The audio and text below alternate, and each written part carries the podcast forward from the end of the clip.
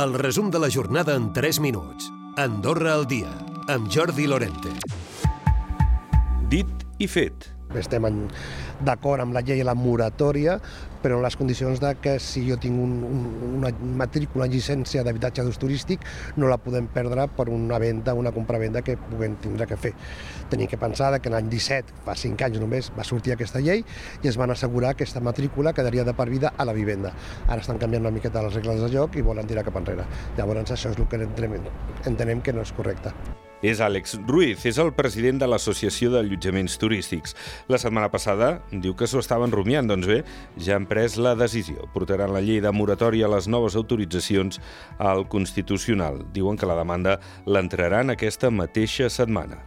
La solució del prestador d'última instància donarà garanties quan obri el sector financer a Europa.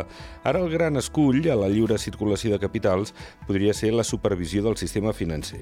L'Andri Riba, el secretari d'Estat d'Afers Exteriors, diu que en cas que Europa hi vulgui dir la seva, caldria negociar. I de moment doncs, eh, és un tema que no, no caldrà sobre el que no caldrà doncs, eh, treballar més enllà. Pensem que la supervisió hauria de ser nacional i no sabem què pensa la, la Unió Europea sobre aquesta qüestió. Per tant, quan arrenquem les discussions, si ja marxem d'una mateixa premissa, que és supervisió nacional, doncs avançarem sense cap dificultat. Si tinguéssim una visió contraposada, doncs haurem de discutir. Fins dimecres es pot donar sang al Centre de Congressos d'Andorra la Vella. Aquest dilluns ha començat una nova campanya de la Creu Roja que ha aconseguit tancar, de fet, gairebé totes les cites prèvies per als tres dies, unes 450 donacions. Els requisits per ser donants són tenir entre 18 i 65 anys, tenir un bon estat de salut i no venir-hi en dejú. Fa molts anys que dono sang. És, crec que és una necessitat eh, vital per poder atendre les necessitats mèdiques de molta, molta gent. Fa molts anys que dono sang i jo coneixo la importància perquè sóc infermera. Això és la primera vegada que ho faig, perquè la veritat no, no hi havia pensat mai i la meva parella em va convèncer per venir. Mira. D'altra banda, va quedant clar com s'ha de vestir a l'Escola Andorrana de Segona Ensenyança de Santa Coloma.